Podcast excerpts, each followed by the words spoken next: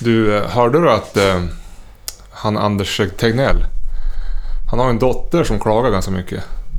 Jaså? Li Tegnell.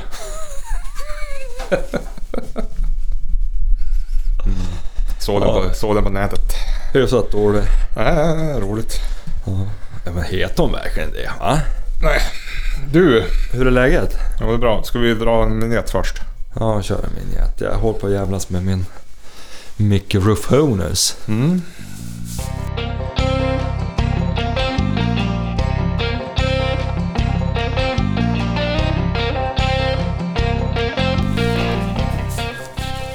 Ja, Tjena. då var det dags för ett till, till avsnitt. Ja, vet du, jag har tänkt på i och med att det har gått över första juli nu och det är nytt jaktår. Ja, Det är ju det här första avsnittet i säsong fyra. så blir det. Har vi hållit på med det här i fyra år? Ja, jag vet inte. 2017 tror jag. Ja. Hösten 2017. Och så har vi åstadkommit så få avsnitt. Ja. Det är till att vara proffsig. Ja men vad fan. Nu, nu står vi på din lunch och spelar in. Ja, det är ju trevligt. Ja, du har ju lunch nu alltså. Offra Ja. lunchen för det här. Ja. Så jag kommer inte att få äta idag. Nej, det behövde du inte heller. Nej, i och för sig. Var ute och gick i en och en halv timme med hundarna i morse Ja, klockan fem. Ja. Och sprang lite.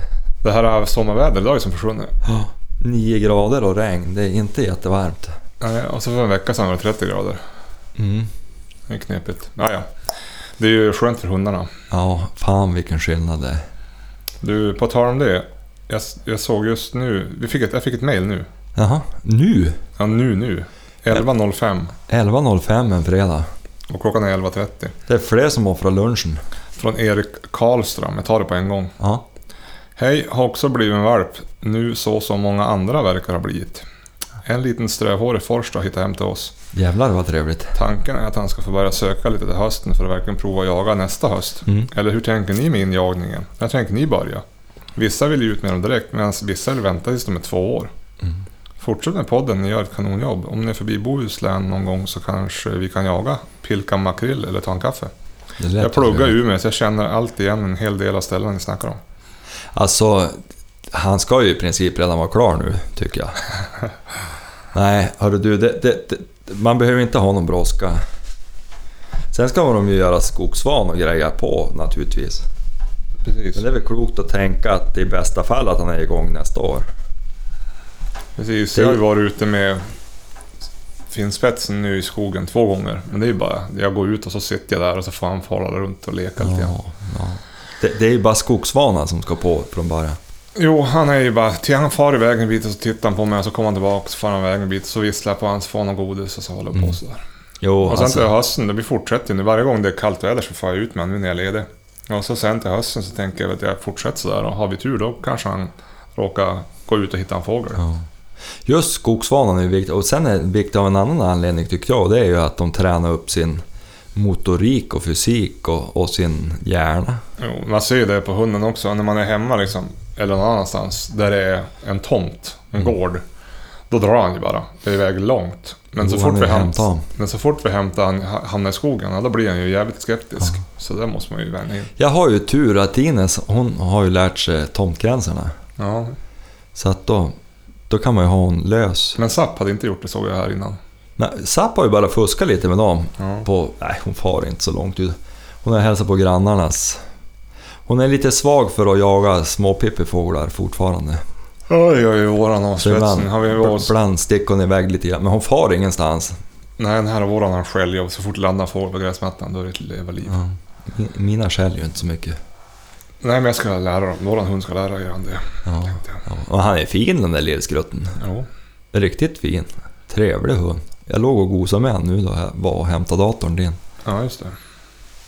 Så det var en trevlig bekantskap tycker jag. Hörru du, eh, går det bra att vara hundmänniska då? Jo, det är ju lättsamt när man är ledig. Ja.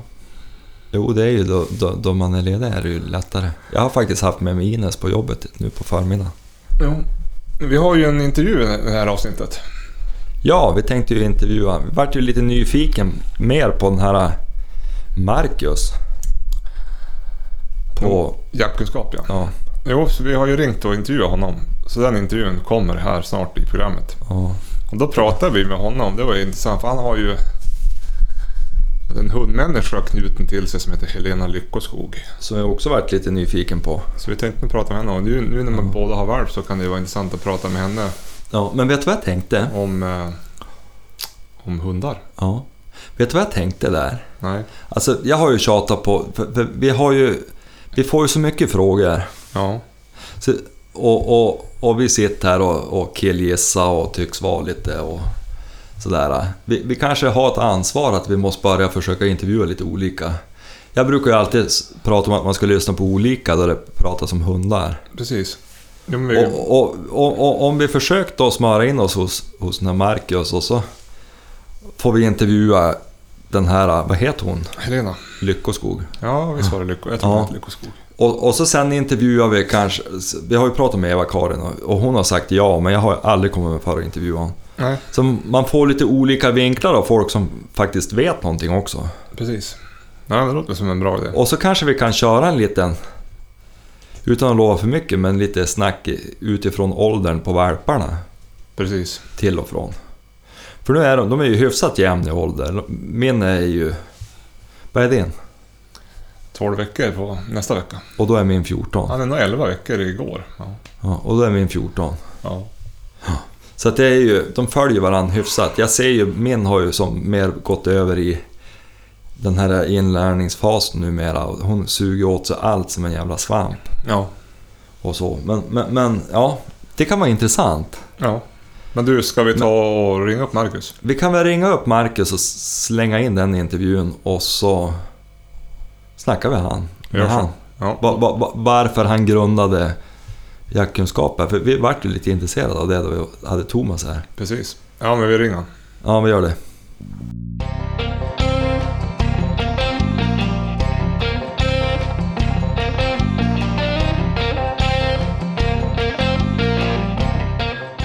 Du vet inte höra om det Marcus. Du som, det är du som är grundare till jaktkunskap som finns både på... Eller du, du får själv berätta. Vad är, vad är, jaktkunskap, vad är jaktkunskap för någonting?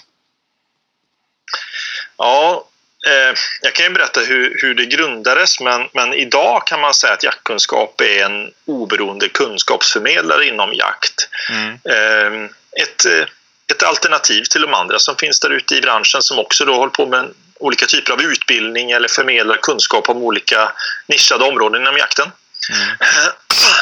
Ursäkta, men det började ju egentligen med samma tanke men sen så tog det sig då en medial utformning som många eh, har kommit i kontakt med och sett och det är ju då våra Youtube-filmer. Och det var ju så det började. Eh, och det började i och med att jag själv var ny i jakten och, och tyckte så att det saknades då eh, fria alternativ om man säger så som jag misstänkte att många inte såg de här fantastiskt fina filmerna som gjordes av några duktiga jägare.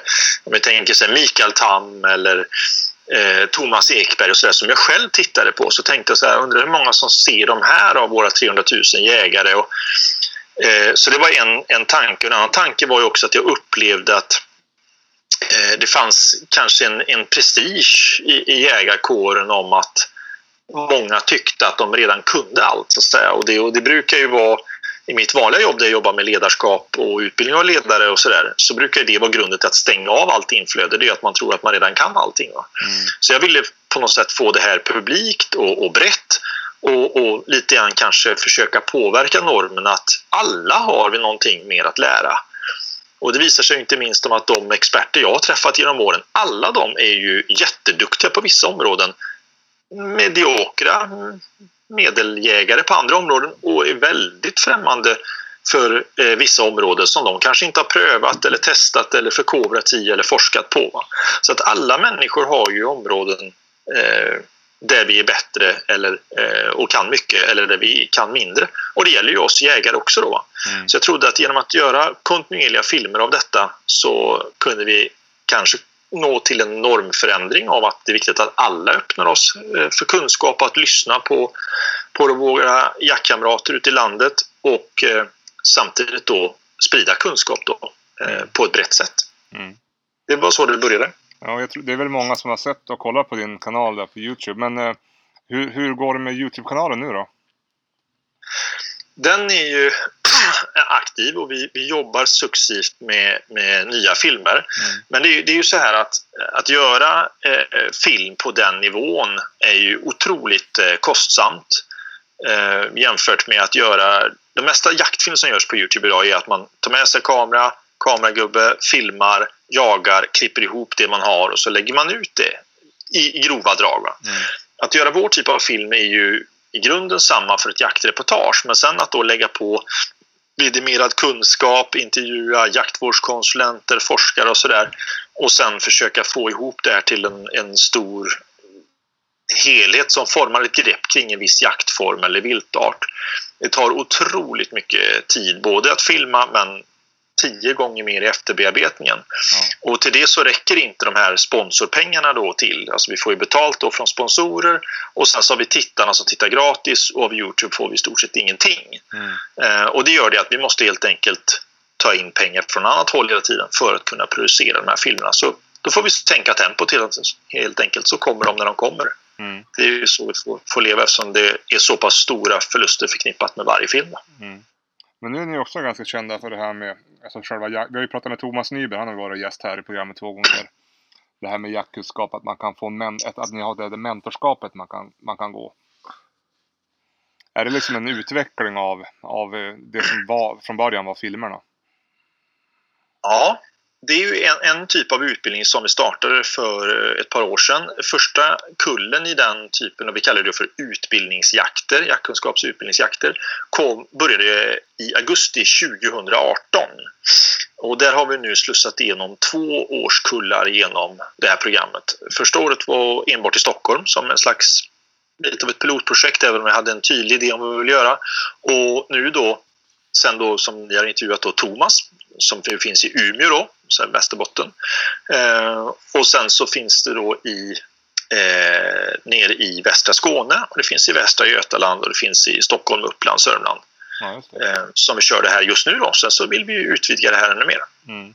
Men hur många har ni totalt som är inblandade i det här? Vi, vi fick ju höra om Nyberg och sådär, men, men jag tänkte hur, hur, eh, hur många är det totalt i, hela Sverige? Eh, Som går utbildningar eller som kör och hjälper till med som, olika utbildningar? som, som, som går utbildning om man säger så. Ja, men nu har vi slussat igenom då 40 45 stycken på de här två årskullarna då, genom landet. Mhm. Ja. Ja, Det, det är ju några stycken faktiskt. ja det är det ju. Det hoppas vi. Det blir ju successivt mer och mer känt. Så vi hoppas ju det finns ju en, en grund för att få igenom många fler än så. Mm. eh, över landet. Sen kan inte vi ta emot just där vi är nu så himla många mer per årskull. Men eh, märker vi att trycket ökar, vilket det verkar göra nu under våren, har vi fått väldigt mycket mejl. Kommer ni köra i år? Är det många som frågar och sådär. Ja. så hoppas vi att det här blir större för att det, det är en, en bra start i en nybliven jägares karriär efter jägarexamen att få en, en mer successiv eh, övergång till att en vacker dag stå själv på pass, kunna själv ta hand om ett, ett vilt, Mm. förstå mer om viltförvaltningen och sådär. Mm. Vad har du själv för jägarbakgrund? Hur länge har du jagat? Jag började... ursäkta. Jag började ju eh, ganska så eh, nära in på att jag startade jaktkunskap. Eh, det var så här att eh, min morfar var en hängiven jägare eh, på något sätt av den gamla stammen och till släkt och familjs förtret så pratade han ju jakt så fort han öppnade munnen i stort sett och jag var den enda som var intresserad av att lyssna på det där.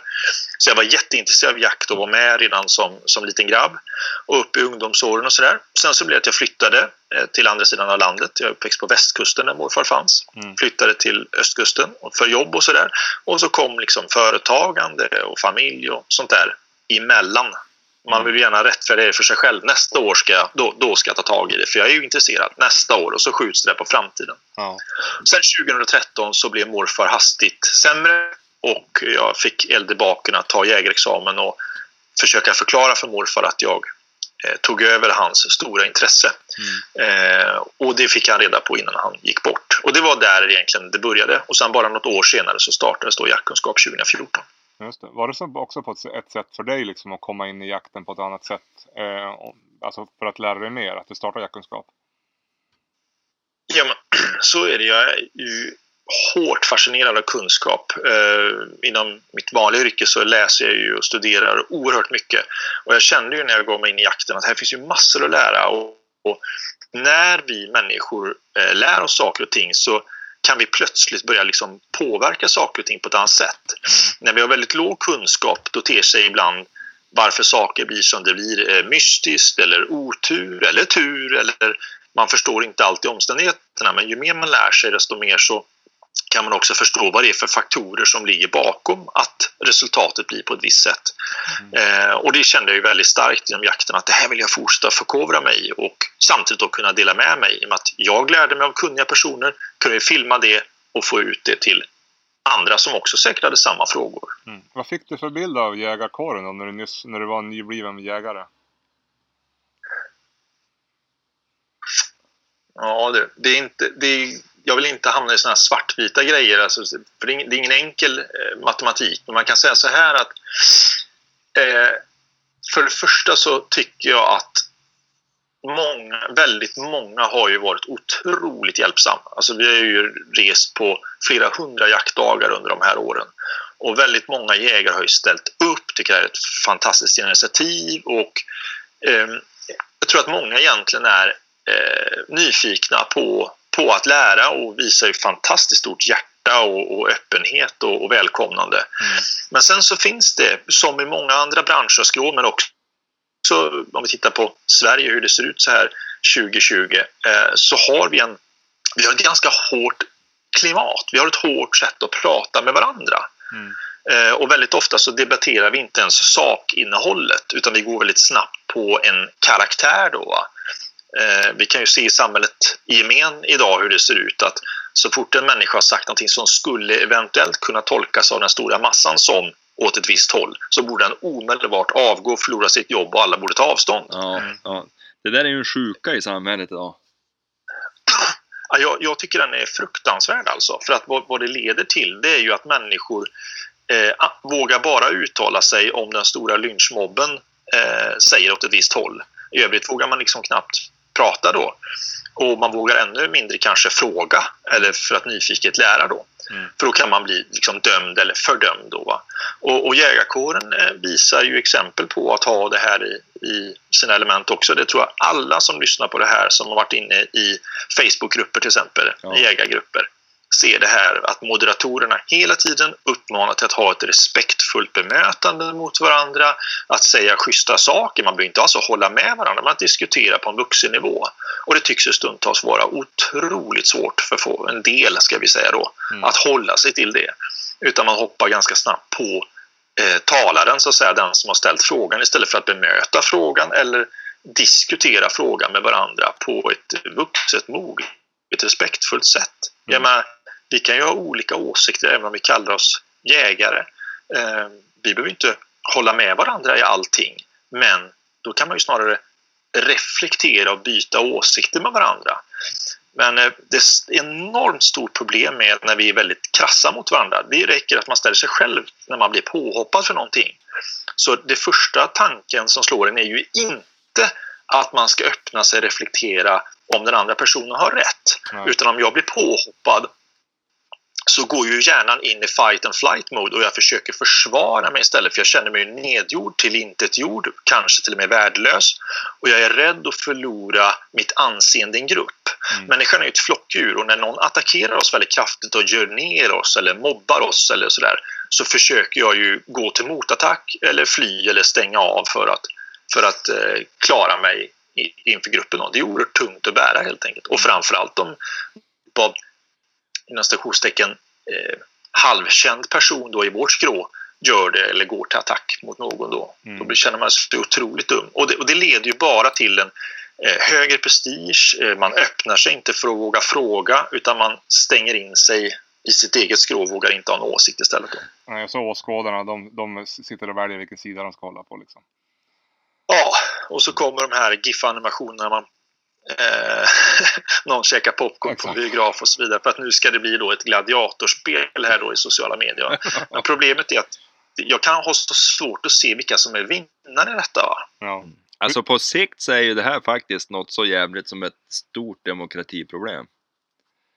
Alltså den här ökade polariseringen i samhället den eskalerar ju efter sociala medier växte sig starkt tycker jag.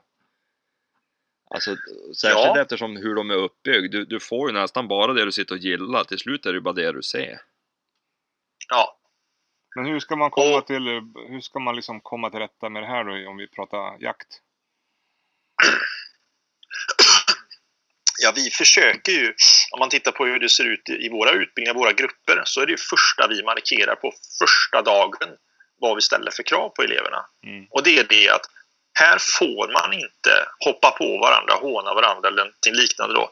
Därför att alla är här för att lära och så fort någon skulle känna att oh, här gäller det att eh, inte sticka ut eller våga ställa så kallade dumma frågor då, med citationstecken i luften. Då stänger ju folk av och då, då hindrar vi allt lärande. Va? Eh, men tittar man på den breda jägarkåren så tror jag att vi måste vara eh, tydligare mot varandra. Att här stänger jag av, jag checkar ut, vi, vi ger inte den här diskussionen mera syre, eller den här elden då, mera syre. Va? Utan att man diskuterar sakfrågan. Eh, frågar en, en nybliven jägare vilken kula ska man ha när man jagar gris så är det kanske några då som ställer frågan lite mer. Ja, jag ska försöka hjälpa dig om du bara berättar vad du, eh, vad, hur du tänker jaga, var du bor etc. De ställer frågor, intressanta frågor för att kunna hjälpa till att svara. Mm.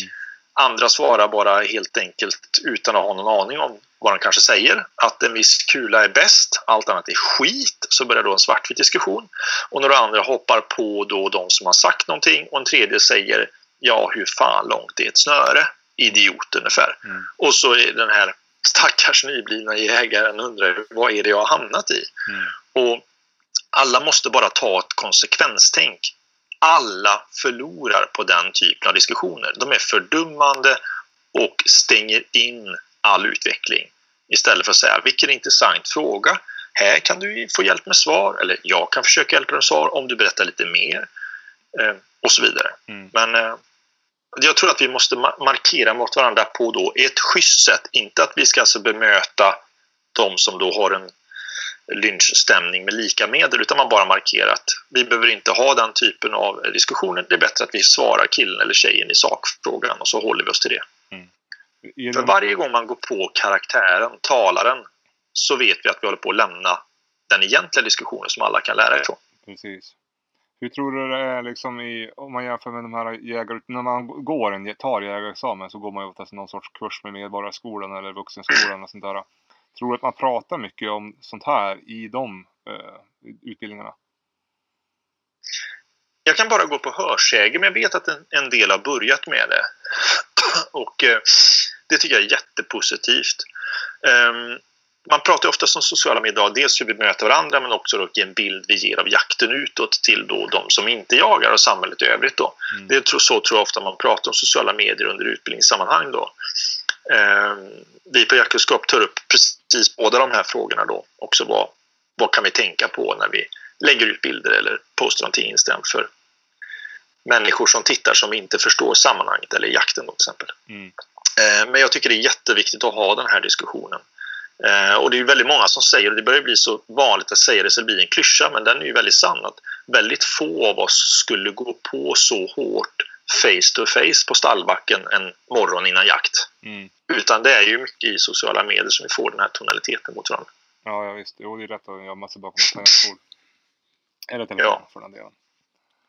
Mm. Men du, annars jag så tror var... bara hela tiden lyfta diskussionen, förlåt jag avbryter, bara Nej, hela tiden lyfta diskussionen att eh, vi kan väl hålla oss till sakämnet istället och så ger man inte mer glöd, hoppar inte på, svarar inte utan bara återvänder till sakfrågan så man helt enkelt ignorerar de som går till attack eller förlöjligar eller gör sig lustiga på andras bekostnad. Mm. I, i, i, det var man Man har ju hört av både lyssnare och när vi har fått DMs på Instagram att det är ganska vanligt i, i ett flertal jaktlag att man har en viss hierarki. Är man liksom nybakad och sist in då ska man Hålla Visst, käft. Ja, i stort sett. Och så sen är det den som är jagar längst eller den som är äldst eller den som är bara att ha högst ton som får liksom bestämma hur det ska göras och komma med sina idéer. Hur, hur, hur kommer man liksom runt det där tror du? Ja, men Är det en, ju är det en också- generationsfråga? kan delvis vara. Eh, jag säger bara delvis för det är så himla farligt att liksom säga äldre generationer så, yngre så och sådär. Men Mm. jag upplever ju ibland att eh, människor som är, är vana att ta till sig mycket kunskap, exempelvis sina jobb eller andra saker, kan vara mer öppna för dem. De känner så väl igen sig från arbetet och sådär. Va? Mm. Som kan vara mer öppna eh, för det eller att de har studerat. Men, men det behöver inte vara en självklarhet heller. Men finns det mer en sån lutning då? Sen så tror jag det är viktigt att våga lyfta saker som att i ett jaktlag där det finns till exempel då en, en stark hierarki då som inte är av godo eh, så det, det svåra med det här i, i, jaktlagssammanhang då det är att eh, dels är det svårt att komma in kanske i ett lag. Man kanske känner att jag måste hålla klaffen och acceptera det här för jag är ju tacksam att jag ens som får kommit med. Eh, om vi pratar arbetsmarknad så kanske man snart söker sig om efter ett nytt jobb om man inte finner sig till rätta i organisationen och tycker att den har en, en taskig attityd. Då. Mm. Inom jaktlag kan det vara ett, ett större problem. Det finns också en annan inbyggd problematik i jaktlagen och det är ju det att vissa medlemmar kanske sitter på en marksnutt Precis. och därmed har de berättigat att vara med i jaktlaget och vi kan inte vara utan, jag hittar på då, Kalles eh, gård med sina 40 hektar. För då kan vi inte jaga där och där brukar ju rådjuren stå. Precis. Och så får Kalle då ha sin starka åsikt och, och göra sig hörd på grund av det. Men det blir då negativt för hela laget då. Och jag tycker att man bara kan gå så enkelt som att är det ett jaktlag, då är det just ett lag. Det handlar om att få hela laget att trivas. Annars så kommer det slå tillbaka mot alla förr eller senare. Det vill säga man får låg uppslutning på fixa i slaktboden eller bygga torn eller så vidare. För att folk vill helt enkelt inte vara med. Man får mycket slitningar, konflikter, tråkiga samlingar, tråkigt eh, vid korvgrillningen och så vidare. Mm. För att man tycker så himla olika. Mm. Försök att titta istället på det ni har gemensamt och, och jobba runt det. Mm. Ja, men det där är, jag tror, alltså man har ju varit med i jaktlag ibland där det har varit hyfsat unket. Alltså det är ju, jag hoppas att det där är ett problem som är på väg ut. Och eh, jag- jag vet inte, själv har vi ju valt att jaga mycket tillsammans, alltså att man håller sig bara med kompisar och sådana som man tycker är trevligt att umgås med, för det är ju ett nöje egentligen. Eller ja, det är ju en livsstil, men det är ju ett nöje. Alltså det är ju, man, man ska ju trivas då man är ute och jagar, man ska ju inte sitta och vara förbannad. Nej, precis. Och jag, jag vet ju redan när jag var, var liten så frågade morfar du, får jag följa med på älgjakten då? Nej, sa han. Inte med på älgjakten. Det är bara massa tjafs och kiv som en ung grabb inte behöver höra, sa han. Mm. Du vet, det enda anledningen till att vi jagar med de där och de där och så då massa släktnamn och, och efternamn på olika folk och tillmälen. Det är för att vi ska dela på köttet och gå ihop och bli större, större älgjaktslag då. Va? Just det. Är det enda anledningen. Så fort den är över så, så börjar jag må bra i min jakt igen och kan gå vidare, sa han ungefär. Va? Mm. Och, så det där har ju funnits säkert jättelänge, Mm. den här konflikten och, och sådär. Mm. Eh, och jag, jag tror att det är, det extremt av ondo, utan försök att hela tiden samarbeta, hitta likheterna det vi kan vara överens om. Mm. Eh, och ju större kunskapen blir, desto lättare är det att vara överens. Kunskap har en väldigt stor påverkan på hur vi ser på saker och ting. Det är ofta okunskaper och fokus på vi vill jaga si och så här, Mm. men få den här utkomsten då. Och ni som inte jagar så, ni är ju per automatik då lite dumma i huvudet. Mm. Och den attityden och den synsättet är väldigt förstörande. Men ju man tittar till exempel på, om vi skulle ta 20, 30, 40 av Sveriges bästa viltförvaltare som kan väldigt mycket, vi bara hittar på det. Mm. De har en ganska så i grunden relativt lik syn på hur man får bra jaktdagar, hur man förvaltar viltet och så vidare. För att de har en hög nivå av kunskap helt enkelt. Mm. Och då är det lättare att vara överens. Mm. Så kunskap har mycket med de här äh, inställningarna att göra. Och inte bara kunskap om, om en mark, utan också kunskapen hur får man ett bra lag? Mm. Hur trivs vi tillsammans? Ja, Det är också en kunskap, det är precis som ledarskap i ett företag. Jagar du själv något jaktlag nu? Ja, fram, eh, fram till i eh, eh, sista januari här så har jag varit med i ett jaktlag ända sedan jag började jaga. Det är, i- eller i jaktklubb. Den Mm. klubben har upphört nu. Ja. Så att eh, nu kommer jag att ha en säsong där jag hänger på olika kompisar och sen har vi givetvis då massa jakt med jaktkunskap. Då. Mm. Hur, har du, hur har stämningen i jaktklubben då? Hur har den varit? Lite så som vi säger, ibland väldigt, väldigt bra. Ibland lite mer beroende på vilka som varit med, mer omgärdad av det här olika tänket och att man fokuserar väldigt mycket på det som är olika istället för det som är lika. Mm. Istället för att fokusera på att göra varandra glada så fokuserar man på hur alla andra borde göra mig glad. Och att de då är lite dumma i huvudet som inte förstår mitt synsätt då. Istället för att jag försöker förstå deras och se till att de får det bra för då kanske de bjuder tillbaka till mig och så får alla det bättre. ja, just. Har du, har du, har du liksom tagit upp eh, de här tankarna i, i jaktklubben? När det har varit liksom lite... Oh ja. ja. Vad får du för respons? Nej, men väldigt ofta så, så håller folk med för att lägger man fram det på ett klokt sätt med mycket hjärta så förstår folk att, att för allas vår skull så vore det bra om det blev så här. Mm. Eh, sen så är ju nackdelen att jag har ju inte varit ledare i det här, de här, jag har ju varit med i flera klubbar då, att utan det måste ju någonting som måste underhållas. En, en kultur i ett lag eller en jaktklubb, det är någonting man, man måste leva efter varje jaktdag, varje arbetspass, i, var, i varje slaktbod efter en jakt etc. etc. Så måste det leva hela tiden, det är det manifesterar sig. Mm. Man kan inte bara säga det en gång och sen så funkar det. Ja, just det. Eh, vi kommer att ta fram en sån här utbildning. Eh, vi kör ett pilotprojekt i augusti på just det här med någonting som jag skrev om i tidningen Allt om jakt och vapen för flera år sedan om världens bästa jaktlag. Och det är en, det är en dröm jag har att vi ska kunna få mycket roligare tillsammans i jaktlagen där fler människor känner sig sedda, hörda. Vi har roligare när vi åker till jakten, vi har roligare när vi åker därifrån, vi har roligare när vi åker till arbetspassen och så vidare. Mm. Och trivs bättre helt enkelt. Och det handlar mycket om kunskap om hur vi fungerar i grupp och hur vi kan jobba med vårt ledarskap kring det. Är det en utbildning för jaktledare kan man säga? Ja och nej. Därför att om en jaktledare går en sån utbildning och kommer tillbaks ensam hem sen så blir det ofta som det blir i företagen. Mm. Kolla grabbar, nu har chefen varit på kurs. Mm. Nu blir, det, nu blir det nya tongångar. Och så blir chefen väldigt ensam om att driva igenom det här. Så blir det nog också i jaktlaget. Jag tror det är viktigt att flera går, för det är inte en one man eller one woman show på något sätt. Va? Utan det här är ju ett lag och i ett jaktlag, i ett vanligt svenskt allmogejaktlag så är ju målet att det ska vara väldigt lika. Sen har vi ju utsett då en eh, ledare bland oss för att få ordning och reda, någon som har koll på det övergripande och se till att vi får det bra. Men eh, det måste flera personer ofta som stöttar de här tankegångarna för att ledarna ska kunna driva igenom förändringen och vidmakthålla och utveckla den. Mm. Men oftast räcker det med några månader till något år så inser nog många att man har fått det bättre och trivs bättre tillsammans. Du, när du jagar själv då, eller när du jagar både i jaktklubben och själv, vad, vad jagar du helst för någonting? Vad har du för favoritjakter? Jag har otroligt många. Det är typiskt mig som person att jag ser något gott i nästan allting. Men man kan säga så här, jag har ju utvecklat min syn väldigt mycket under de här åren att jag har jagat så många olika saker. Mm. Eh, men några, alltså man kan säga så här, jag tycker nästan om all form av jakt. Det intresserar mig och framförallt det som vi pratade om alldeles nyss då i, i ett gött gäng. Mm. Eh, som jag säger att då, då är ju nästan vilken jakt som helst rolig, nästan vad man än gör, om man har sina härliga kamrater där.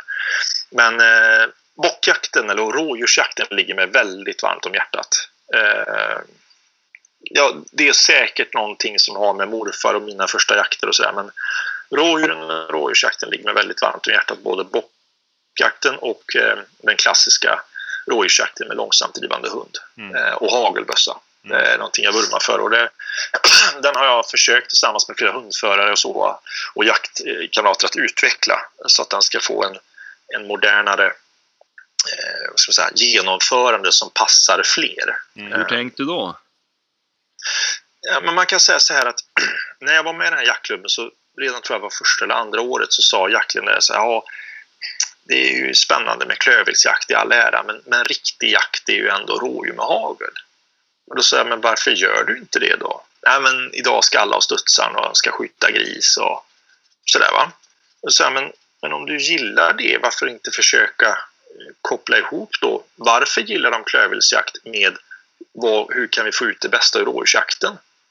Ja, då lyste det i ögonen på honom. Så började jag fundera på det här. Vad, vad är det som ligger i att folk tycker det är bra med klövviltsjakten till exempel då i, i södra Sverige där man har många olika klövvilt kanske på en mark då. Mm. Jo, men då är det ju det att många idag har kanske ett livspussel. Man tar sig inte ut hur många gånger som helst i skogen. Man kanske tar ut sig fyra, fem, sex gånger.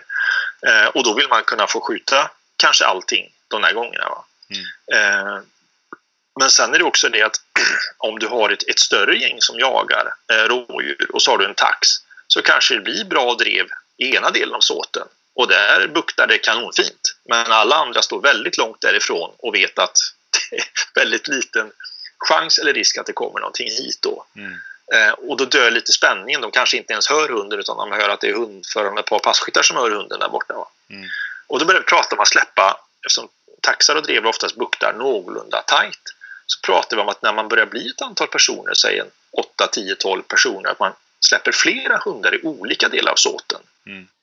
Och så testade vi det och det blev så otroligt lyckat. Eh, jag vet att första var Johan Axelsson som ju är känd för en del då i taxsvängen. Han har en tax som heter Rut, en berömd tax.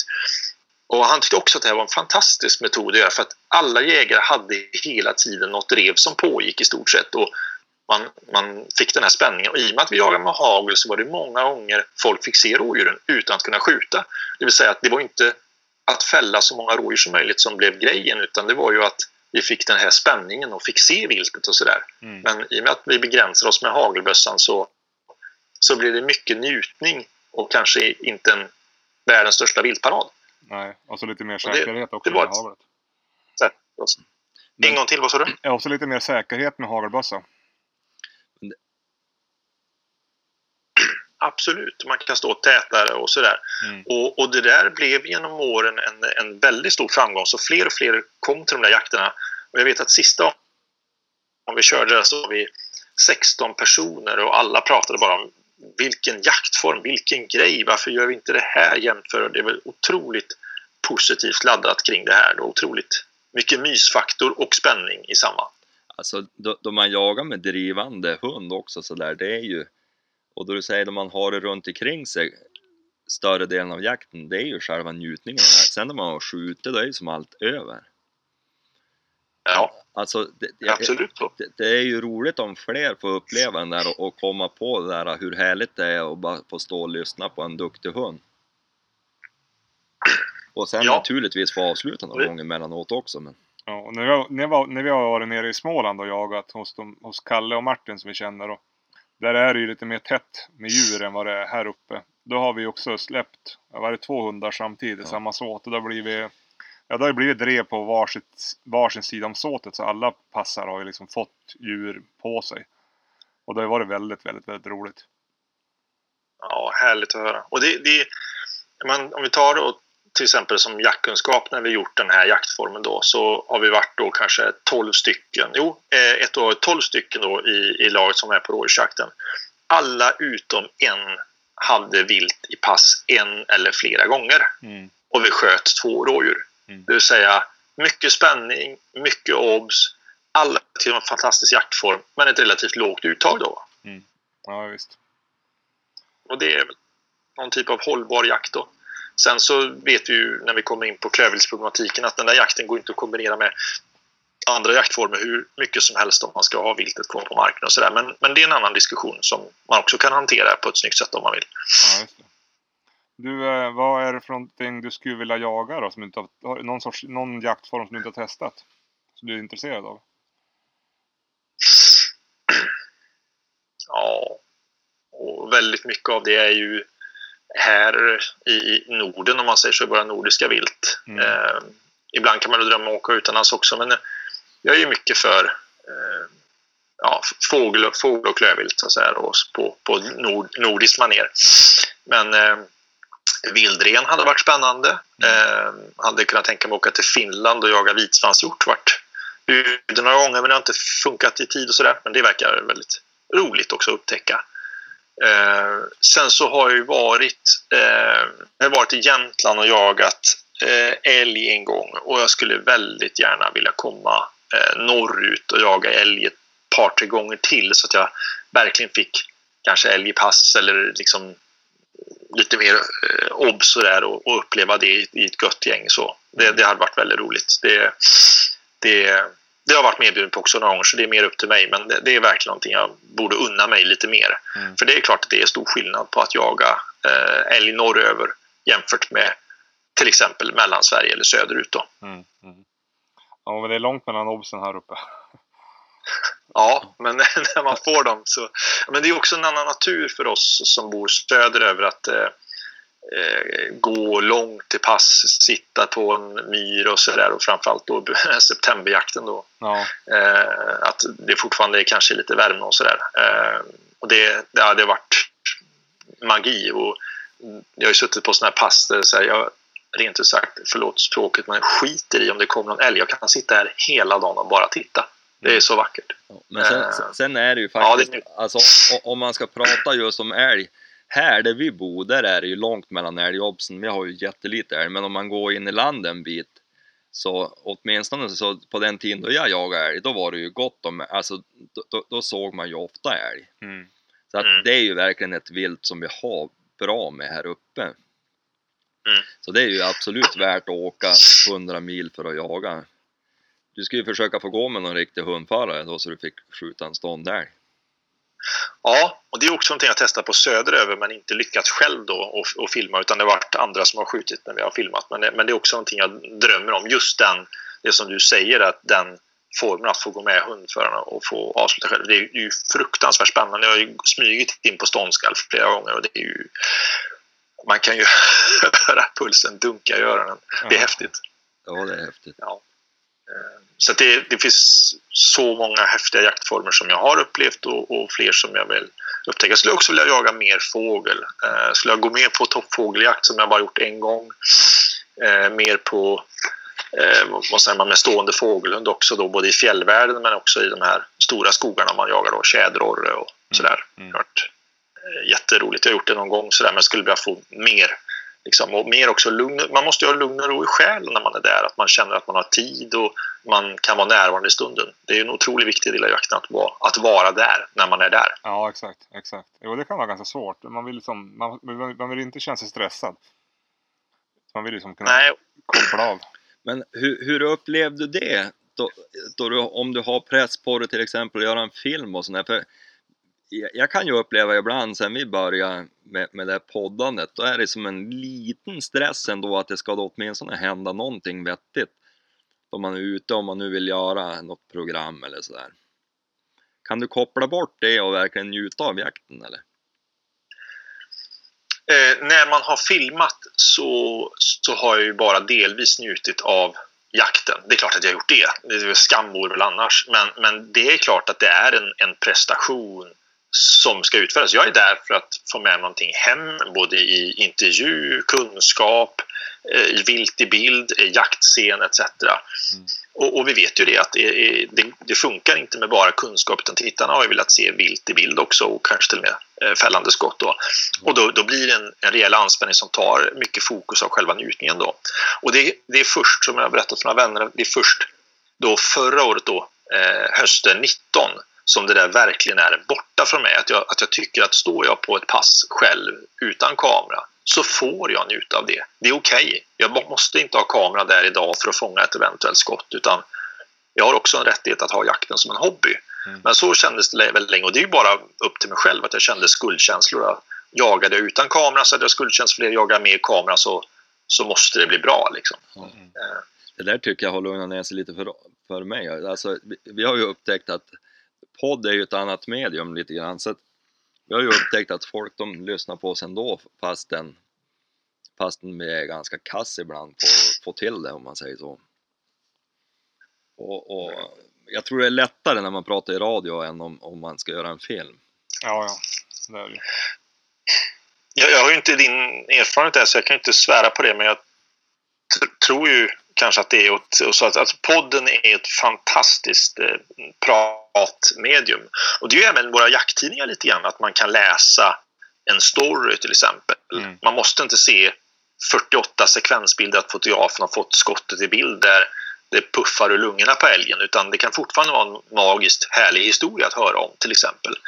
Eh, men på just film så, så ska det film i bild och sen så sker ju också en normglidning i filmvärlden där eh, alltså vi kan ju se jättetydligt sådär, mängden antal tiotusentals och hundratusentals views står inte sällan tyvärr i paritet till antal skjutna vilt. Mm. Ja, precis. Och det är en lurig utveckling eh, tycker jag därför att det, det skapar ju, alltså ju mer du tittar på det desto mer skapar det ju en, en rastlöshet jaha, nu har det inte smält på tre minuter, vilken dålig film det här är. Mm. Men så ser det inte ut i verkligheten. Det är inte ens nära. Och det är klart att vi inte kan ha film som i verkligheten, för då pratar vi verkligen slow TV. All... Mm. Men det är ju populärt med den här älgvandringen som jag haft på SVT också. Men jag tror att många inte skulle titta på en jaktfilm som innehöll, ja, det var vi klara. Nu har ni sett åtta timmar film och så var vår dag i skogen. Det blåste och regnade och vi såg Mm. inte någonting. Och hörde inte hund heller. Det är klart att inte folk vill slösa bort åtta timmar på det. Men den utveckling vi har nu där, där i stort sett antal skott per minut film lockar views Mm. eh, i vissa grupper tror jag. Den är, tror jag är, den är inte så alltid så positiv tror jag. Det får konsekvenser för vår syn på jakten och även andras syn på jakten givetvis. Ja, men Ja. även om man, ser man en ny och så går man, tittar man på ett YouTube-klipp på 15 minuter och så skjuts det fem vilt. Att man kanske får en liten snedvriden syn om hur det är att egentligen jaga också. Och även för, Ja. även för de som kollar på det som inte jagar. Ja, Det där ser jag, jag, jag, jag fick faktiskt se det där live igår. Det var så att jag, jag satt och kollade på fiskefilm med, med grabben och jäntan. Och då, då pojken han sa, alltså pappa, de här de fiskar ju på platsen, man får ju fisk hela tiden.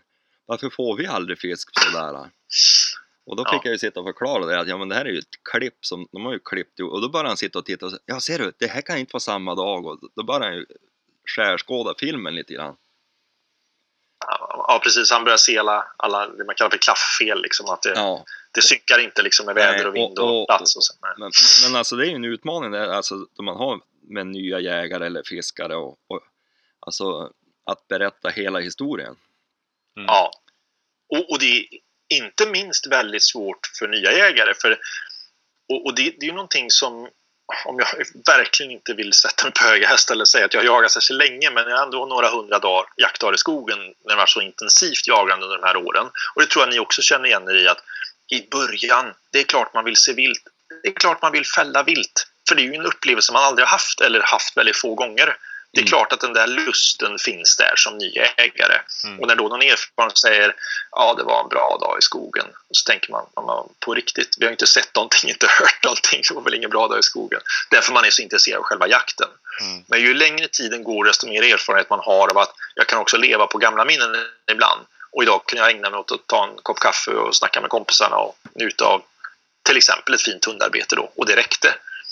Eh, Det tar ju oftast en, en tid då. Men om man sen tänker så, den nybörjarjägaren då, som har tittat på skottsekvensfilmer och, och, och, gått precis jägarexamen och tror, och på något sätt sätter sig bilden i huvudet att det sprutar djur ur varje buske på något sätt. Mm. Det är klart att det blir en enorm, eller riskerar ska vi säga, att bli en enorm besvikelse eller i alla fall en något en stor besvikelse. För så ser det ju väldigt sällan ut. Nej, precis. Och tittar man på, film, menar, så- tittar man på Ja, YouTube-filmer förlåt. tittar man på YouTube-filmer som främst är gjorda i utlandet också, då kan det vara ganska... Eh, vad ska man säga? Man kan väl kanske klaga ibland på hur det skjuts. Och vilka skott man väljer att ta. Alltså både när det kommer till kulfång, avstånd och allt sånt där. Och det finns ju en risk Ja. också att man färgas av det. Definitivt så. Och, och det, det, det präglas för att och, och ju färre referensramar du har, desto mindre du kan, desto mer slinker det där du ser in i huvudet. Va? Mm. Och det är inte så konstigt. Det, det, så är det för oss tre om vi skulle sätta oss i ett helt nytt område för oss också. Ja, ja. Så skulle vi vara väldigt påverkbara av de första bilderna vi får av ett område för att vi griper efter kunskap och tar in allt vi kan. Va? ja. Så det får ju en enorm betydelse. Eh, men jag, jag har ju varit på eh, ett antal i alla fall gods runt om i landslaga och jag har varit på alla möjliga olika typer av marker. Men inte ens på de bland de bästa gods jag varit på, eller där vi har haft som mest flyt vissa jaktdagar, har det ju varit som det är på vissa filmer. Utan vi, eller, eller upplevelsen man får vissa filmer. Jag vet jag var på en i december förra året. Där hade vi 600 obs på 20 personer om vi var 22. Mm. Och vi sköt då 50 vilt, vilket också är, tror jag är rekord vad jag varit med om. Alltså så här två och ett halvt djur per skytt i snitt då. Ja. Eh, och, och det är ju jättemycket tycker många som lyssnar på det här nu då och tänker jämfört med hur man jagar då. Men det är ju ändå fortfarande ingenting jämfört med hur det framställs eller kan upplevas då i vissa filmer. Va? Mm. som vi ser. Eh, både internationella filmer och svenska filmer. Då. Så att det, till och med på en sån dag där det är makalöst mycket vilt i rörelse och, och många eh, som får fälla vilt då, så kan ju det upplevas fortfarande som i stort sett en besvikelse. Ja, Vilket ju är hemskt. Va? ja. Eh, vi har ju skapat oss då en bild som är ouppnåelig på något sätt därför att det är en filmisk bild som inte finns i verkligheten. Mm, mm. Ja, det gäller att kunna liksom titta på de där filmerna och ändå förstå att ja, men så här, nu får vi ett hopklipp av scener. Eh, men det kan ju vara svårt både för de som inte jagar och de som är nya att jaga.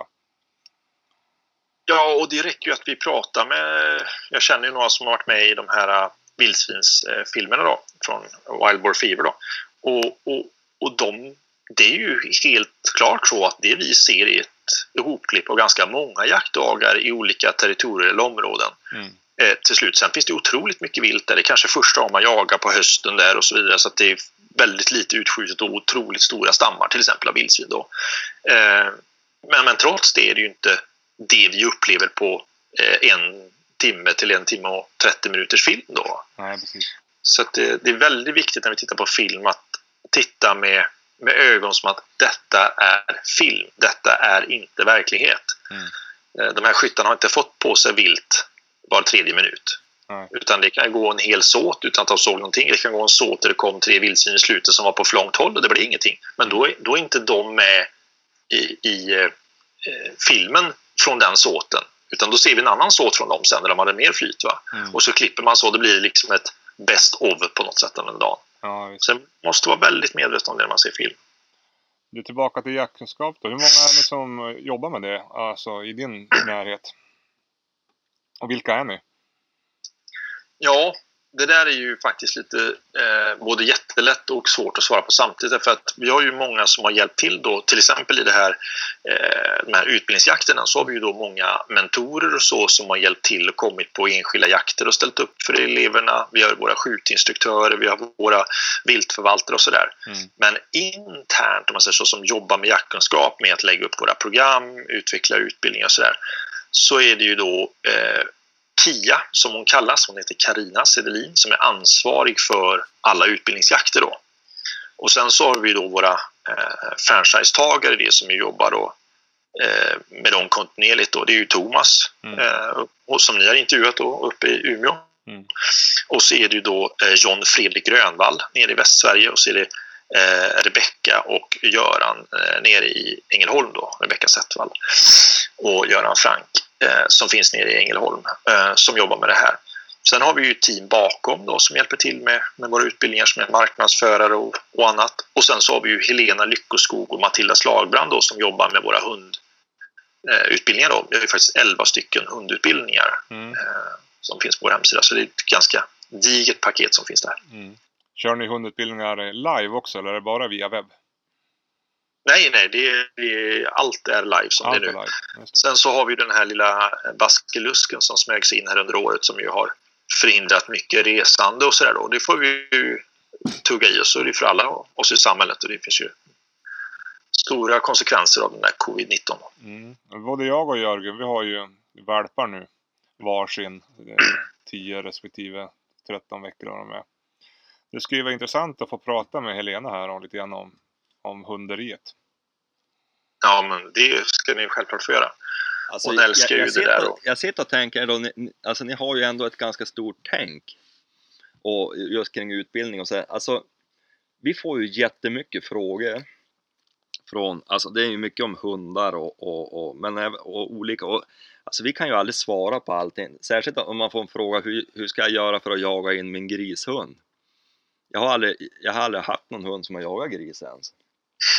Det skulle ju, alltså, och, och, och, och det skulle ju vara intressant att få intervjua kanske några av Mm. dina medarbetare. Jo, men absolut. Men det finns ju Helena som kan svara mer allmänt då, om hundfrågor och, och från en hundpsykolog och en utbildningspedagogs perspektiv. Och sen så finns det ju människor man kan intervjua som kanske kan mer specifikt om vissa, vissa hundarter och, och vissa hundarters jakt på vissa viltarter. Mm. Har du själv någon hund förresten? hundraser. En gång till? Har du själv någon hund? Nej, det har jag inte. Vi, vi är några i familjen som är väldigt intresserade och några som är lite mindre intresserade.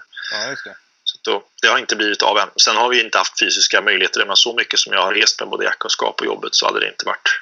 Eh, det har varit svårt att hantera framförallt en valp och unghund. Då. Ja, Men eh, det är inte omöjligt att det blir av i framtiden för det ligger mig varmt om hjärtat.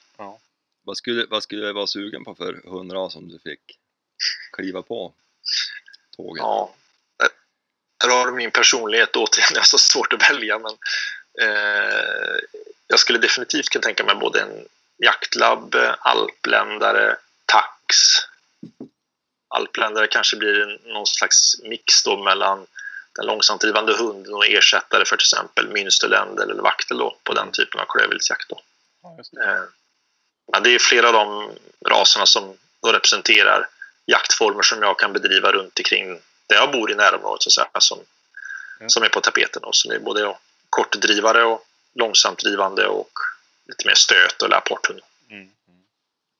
Vad hur ser det ut nu i höst då? Vad har ni för planer eh, med jaktkunskap och så då? Kör ni på med alla utbildningar eller är det något nytt på gång? Eller? Ja, vi har ju då dels ska vi göra lite pilotprojekt på den här jaktlagsutbildningen. Eh, sen håller vi på med en utbildning om eh, ballistik. Okej. Eh, och det är ju ett ämne som återkommer hela tiden. Titta på en Facebookgrupp vilken dag i veckan som helst så kommer någonting om vilken kula eller varför skjuter min bössa så här när oryxen går så bra i kompisens bössa och så vidare. De Ja. här frågorna återkommer hela tiden och har gjort ända sedan jag, sedan jag började jaga. Och det är säkert än längre sedan dess. Mm. Eh, Och då har vi en kille som heter Anders som är ballistiker som eh, jobbar nu på en utbildning där man ska kunna få hjälp och få svar på många av de här frågorna. Det, det, där är ju något Så vi det får, det där är ju något vi får jättemycket frågor om. Ja. Alltså det är ju, och, och jag och Johan är väl de två sämsta i Sverige kanske att svara på sådana frågor. Ja. Och, det är svår, och man inser ju då att det är ju många som har funderingar just kring de där bitarna. Ja, ammunition är ju alltid, det är alltid, och där är det också som du säger, det är mycket, många har ju uppfattning om att det är svart och vitt där också. Det är alltid den där kulan, den går alltid bäst. Och så är det någon annan, nej den där kulan, den går alltid bäst. Och så är det en tredje som handladdar och det är alltid bäst. ja, och ehm, nu har jag försökt att passa mig för att ge sådana råd. Eh, det har jag säkert gjort av misstag ibland när jag blir själv lite ivrig, men jag är ju tvärtom då en nörd på det med vapen och ballistik och försöker läsa mig på då. Ja. Men sen när man pratar med sådana som Anders så blir det väldigt lustigt då att man bara för att jag kan ramla, äh, rabbla i stort sett alla tabeller på ammunition i hela den här stora vapenguiden då. Ja. Så Anders han bara skakar på huvudet och säger jo, jo, men Marcus, det handlar ju liksom om att fälla djuret och det som går bra i din bössa och sådär inom citationstecken då, tråkiga saker. Ja. och inget sånt där ta tabellnörderi med meter per sekund och joule och gramvikt och sådär va. Ehm, och han har liksom en annan syn på det för han utgår ifrån liksom jaktskyttet. ja, just det. Eh, och, det, och det har ju präglat mig mer och mer också när vi har diskuterat och andra duktiga som jag pratar med så har det också, man har också lärt sig mycket om, om det här och att det, det, det, det skulle jag tycka är bra om vi bara kan ta upp kort att ju mer man pratar med väldigt kunniga personer på ett område desto mindre svartvitt blir det. Mm. Mm. Fundamentalt kan det vara lite mer så här, de här grejerna gäller, om det man pratar väldigt grundläggande saker. Mm. Men ju mer detaljer man kommer in på, så här, ja, rådjuren kan bete sig så, det kan också vara så här. Mm. Och, och så man kan nästan bli mer förvirrad ibland, därför att vi människor försöker tiden förenkla. Jo, jo, men kom igen nu Johan, berätta bara, hur ska man göra? Är det A eller B? Ja. Säg, kom igen nu, gör, gör det enkelt för mig. ja. Men för den kunnige ser det sällan så ut. Forskarna får ju fram nya rön ibland. Det som gällde 1990 kanske inte gäller 2020 och så vidare. Mm. Och det gäller med Anders med ballistik och så där också att när jag frågar ibland så har han kanske inte ett tydligt svar. Nej. Därför att det, det går inte att säga så enkelt. Nej, där har- Och det tycker jag man kan tänka på i det allmänna diskussionsklimatet då att när vi ger varandra väldigt svartvita svar så är det nog ett tecken på att det kanske inte är inom rätt svar. Precis. Ju mer man håller på med något, desto mer inser man ju hur lite man kan på ett område. Exakt. Jo, men det var som i början när man började gå efter fågel så fick man tipset att de är alltid där eller, eller så är de alltid där. Och så gick man där så var det inte, Aha. så var de på ett annat ställe. Och, ja, tjädern trivs inte i blandskog. Så gick man i blandskog då var det bara tjäder. Alltså det, det, det finns ju inga sanningar. Nej, det finns i alla fall inga absoluta sanningar. Sen, sen tycker jag när man lär sig då mer och mer av så kan man börja lägga vissa pusselbitar som kanske ibland har en tendens att stämma lite mer än andra gånger och sådär. Precis. Men jag vet en forskare sa till mig och, och Kia då, eller Karina som hon egentligen heter, att eh, varje föreläsning han håller så är alltid en alltid man, en man alltså, Mm. som säger nej, jag tror fan inte på för det stämmer inte på min mark i alla fall. nej. Och så har man då studerat då hundratals sändarförsedda djur och tiotalet marker i åratal då, men när folk inte har sett det själv så har de svårt att tro på det så vidmakthåller de då sin åsikt. Jag tycker det är lite synd för vi kanske skulle öppna oss lite mer och när man lägger många pusselbitar till varandra från duktiga människor så börjar det uppstå vissa mönster som lär en lite grann mer kanske. Jo, och det jag upptäckte där när man började gå efter fågel, det var att det de menade, det var väl kanske att de hade sett fågel på ett ställe i november, men i september, augusti, då kunde de vara på ett annat ställe, upptäckte man ju ganska snabbt. Att, Ja. eh, Det, beroende på säsong så är de på olika platser. Ja, Och jag sen- brukar skoja med folk när jag varit på sådana här då, som ty- folk tycker är fina ställen att jaga på. Mm. Så säger folk, ja men det är ju lätt för dem som har så mycket djur, säger de då. Mm. Och då brukar jag skoja tillbaks, ja hur tror du djuren kom dit? Ja, Och då har det bildat en sån här grej som jag kör mycket under vår utbildning. Jag skojar lite grann att vi tar som Virobruk då utanför Nyköping som har en fantastisk kronviltstam. Eh, och pratar man med Johan där som är, som är viltförvaltare så alltså han är ju en sån fantastiskt fin människa för det första och för det andra är han så oerhört kunnig. Men han säger ju det, sen han började där 1994, hur många misstag har inte de gjort? Mm. Och, och, och tankevurpor som de har fått lära av och så bygga upp igen då. Och då brukar jag skämta med det att och så en vacker dag så steg Gud ner från sin himmel och öste in i kronhjortar just till Virobruk. Ja, så gick det såklart inte till och går aldrig till. nej. Utan det är klart att det finns bättre och sämre förutsättningar. Men liksom en duktig viltförvaltare eller ett duktigt jaktlag som är kunniga och pålästa så gäller det samma som för en duktig bonde. Ja, marken ger mig vissa förutsättningar men det handlar också om min kunskap hur jag får ut maximalt av den här marken över tid. Ja, ja visst. Ja, men sen är det ju, jag, jag tycker man har sett att, alltså, jag har ju jagat på, alltså då jag jagar älg på marker där det kanske var bra i oktober och framåt, eller november och framåt. En jäkligt dåligt i början av året. Och då fanns det några marker, där var det bra med älg hela året. Mm. Och det var ju i regel de marker som hade störst variation i biotop naturligtvis. Mm. Så att jag menar, där har man ju, om man jobbar med, med den biten, att så man har mycket mat hela året för ett djur, då, då, då är det ju större sannolikhet att de är kvar där. Ja, men precis så. Ju, ju mer man lär sig om det här, jag säger ju inte att jag kan detta, utan bara man, vi allihopa, vi är, ju mer vi lär oss om sånt här, desto mer förstår vi och kan också då påverka. Precis som ni två säkert är jätteduktiga i ert jobb, jämfört med då gemene man som inte har samma yrke som er, så vet ni ungefär vilka faktorer ni måste tänka på och agera på för att få ett visst resultat. Va? Ja. Och det är det jag tycker är avslutningsvis då, just om kunskap som brinner så mycket för att kunskap ger oss mer kontroll över utkomsten, över resultatet. Och vi kan också välja. Har du mycket kunskap om både viltet, hundarnas påverkan, biotoper och sådär på din mark så är det lättare att komma överens i jaktlaget att vill vi ha det si eller vill vi ha det så? Ja, Beroende på hur vi vill ha det i laget, på vår mark, med vilka hundar vi vill jaga, hur ofta vi vill jaga, så förstår vi också konsekvenserna av det. Mm. Det kanske då är för någon mindre goda konsekvenser och för någon annan så är det skitsak samma. Men då vet vi i alla fall vad vi pratar om. Och vi kopplar ihop orsak och verkan som den här grundlagen som, som vi alla lever under på, på ett då mer rätt sätt. Så att vi kan ha friheten att välja. Mm. Vill vi jaga ofta med våra hundar eller vill vi ha mycket kronvilt och vildsvin på marken? Som ju är ganska störningskänsliga till exempel. Mm. Eller kan man tänka nytt där? Jag har nu testat en ny teori som jag inte ska gå ut med än för den är lite för ny för det. Men, och fått gehör hos flera viltförvaltare som tycker att det låter som en klok teori att kunna då jaga lite oftare med långsamt drivande hundar och till exempel stövare på marker som då har kronvilt och vildsvin Mm. som är störningskänsliga.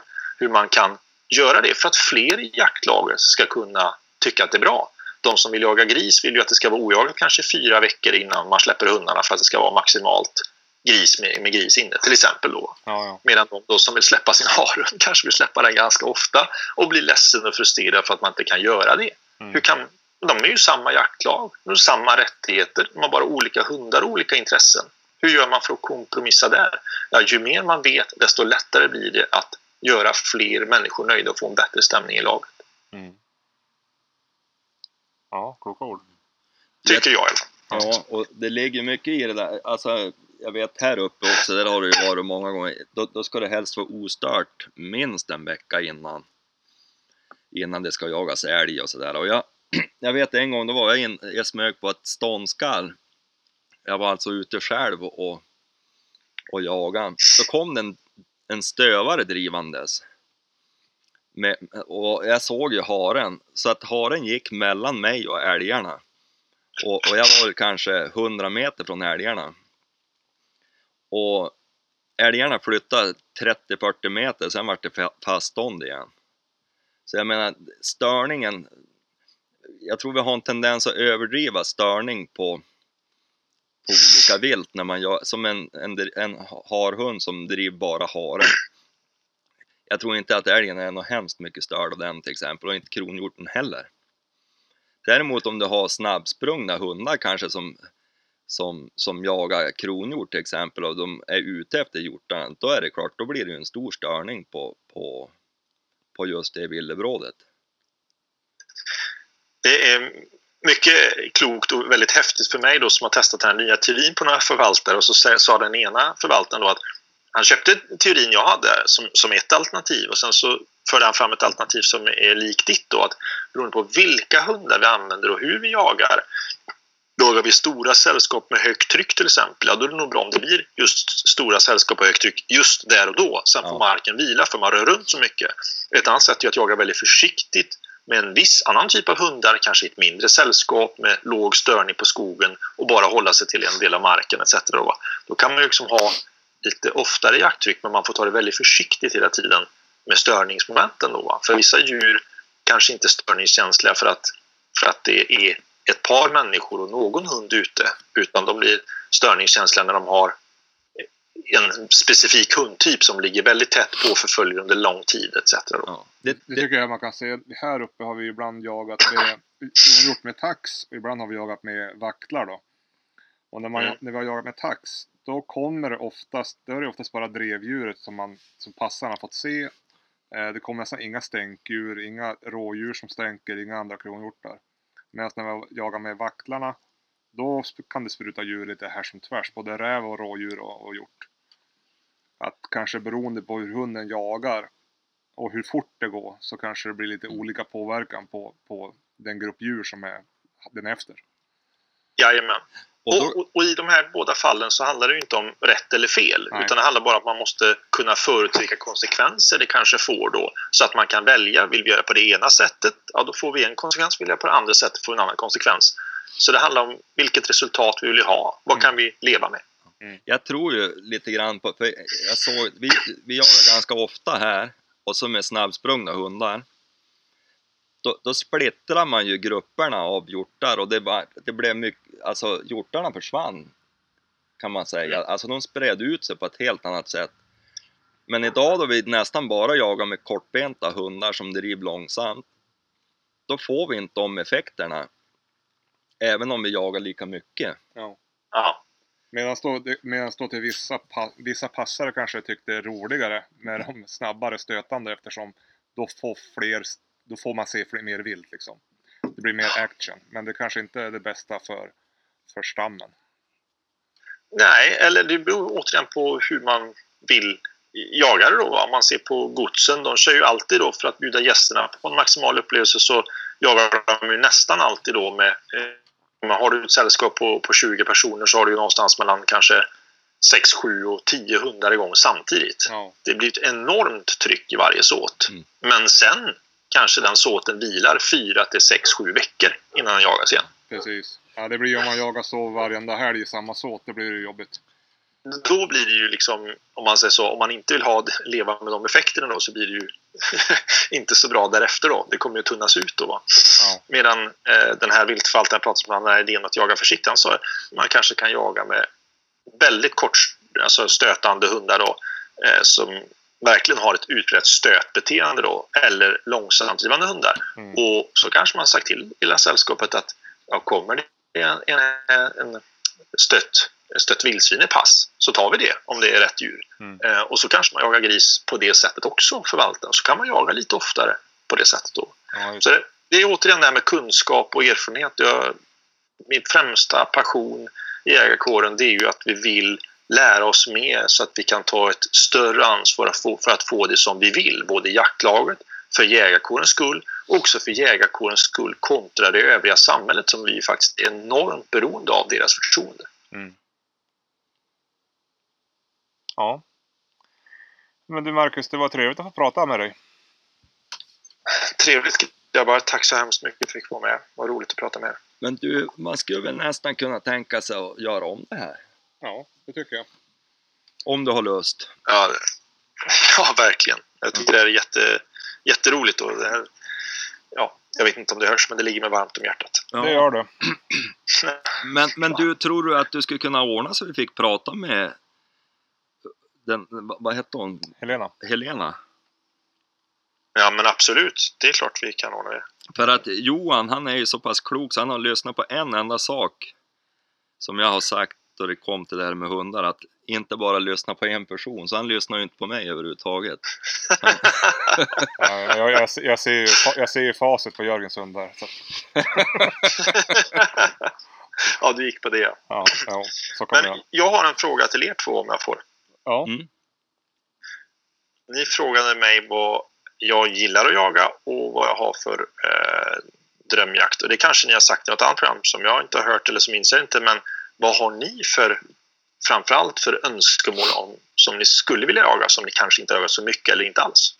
Ja, så det jag alltid har varit sugen på att testa, som jag aldrig har testat, det är ju antingen en andjakt eller en gåsjakt. Alltså sån här gåsjakt med, på sträckande gäss. När man ligger Mm. i såna här gömslen och det ser, tycker jag ser väldigt trevligt och roligt ut. Och eh, detsamma med andjakten där. har jag- Är det inte heller något som jag någonsin har provat på. Eh, så det har jag varit sugen på i många år. Mm. Ja.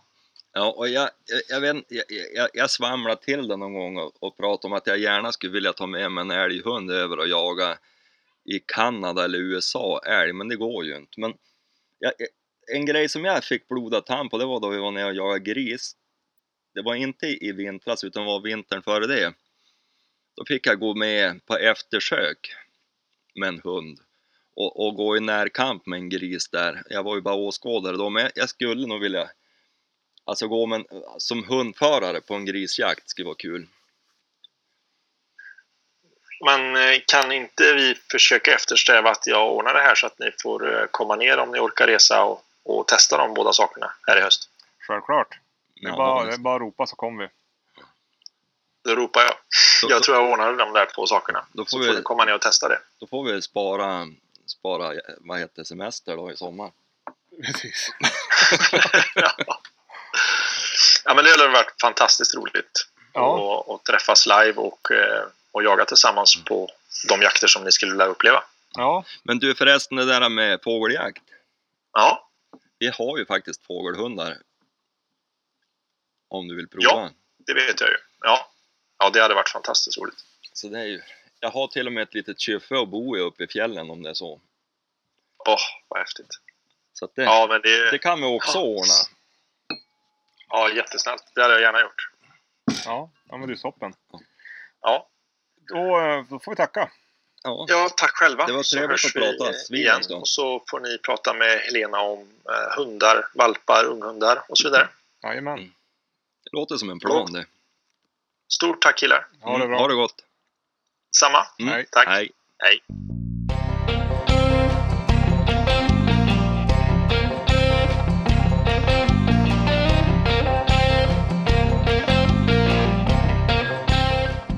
Ja du, det vart en, en, ett redigt samtal. Vart ett ganska långt samtal. Nu har det varit väl över en timme tror jag. Ja, ja men det är trevligt. Det blir ett långt avsnitt det här. Mm. Ja, vad tyckte du då? Jo, men det var ju intressant. Ja, Man blir lite sugen på kanske prata med fler. ja herregud. Men då har vi, nu har vi fått så att vi kan ringa hon Ja. Helena som vi pratade om innan, Ja. innan intervjun. Ja, Så då kan vi ju försöka boka in en dejt. ja, Och så kör vi en intervju med henne. ja. Jag hoppas, nu har ju inte vi någon sån här äh, monster-mick när vi intervjuar per över nätet sådär. Utan Vi får väl hoppas att ljudet är till belåtenhet. vi pratar in i, datorns mikrofon. Och sen eh, kommer deras ljud när vi pratar med också in i så. Eh, Så det blir inte världens bästa kvalitet, men jag hoppas att det, Det att går lösa Att det duger. Ja. Det är som jobbigt att ta hit alla. Eller åka och träffa alla IRL. Ja, Så det får bli lite sådär... Ja, det blir lite coronavänligt. ja. Ja, men du, ska vi försöka runda av då? Jo, men jag tänkte Hade du något på... mer på hjärtat? Nej, egentligen inte. Det är ju det här med, med att hålla i hundträningen nu då. Passa på nu då det är lite svalt. Jag vet inte om det är det över hela Sverige, men... Jo, det verkar ju vara det. Mm. Skitväder. Sen kan jag lägga in en liten, liten snabb anekdot. Jag höll på att köra ihjäl mig här när jag var ute med SAP sist. Alltså, Djävulskt kul var det. Till, jag hoppade, alltså kommer, du, du vet på andra sidan vägen från Eliusspåret sett, upp mot, mot uh, in på Nu Öre. har ju han cyklat med hund då. Ja, in på Öre, då, då är det sådana skogs, små skogsstigar där, lite mer som körvägar. Ja. Så är det ju rotsystem, så det blir som hopp där. Ja. Och SAP hon sprang förbanne mig i 40 alltså, det gick ju jättefort. Okej. Så jag kom, så jag fick, jag hoppade ju precis innan en, en sväng och, och hon svängde ju. Ja, ja. Så det blev ju hyfsat ogrejlig landning. Har ni fått igen cyklarna nu? Ja. Jag var ut med hon, ja det var ju förrgår kväll. Ja. Men du, jag ska klippa ihop det här och så sen tänkte jag fara ut med hunden i skogen en sväng. Jaha, ja jag tänkte, Det är det jag ska passa på. jag tänkte jobba ja. Ja, det gör du rätt i. Ja. Ja, men Så. du, vi... eh, Till nästa gång. Ja, väl mö- Du, kör vi, kör vi lite glesare nu eller? Ja, det är ju som sommar. Vi Ja. kör väl när var tredje, var fjärde vecka ungefär. Ja. Det är som, vi sa. Det funkar. Vi ska ju försöka boka upp henne, hon Helena, så sen blir det Ja. nästa avsnitt. Ja, jag tar väl och ring hon då. Det kan du göra. Så intervjuar vi. Det blir utom förträffligt. Bra, Det var trevligt att samtala med dig, men framförallt kanske med Marcus. precis. Ja, men du, vi hörs. Ja, hej på er! Hej.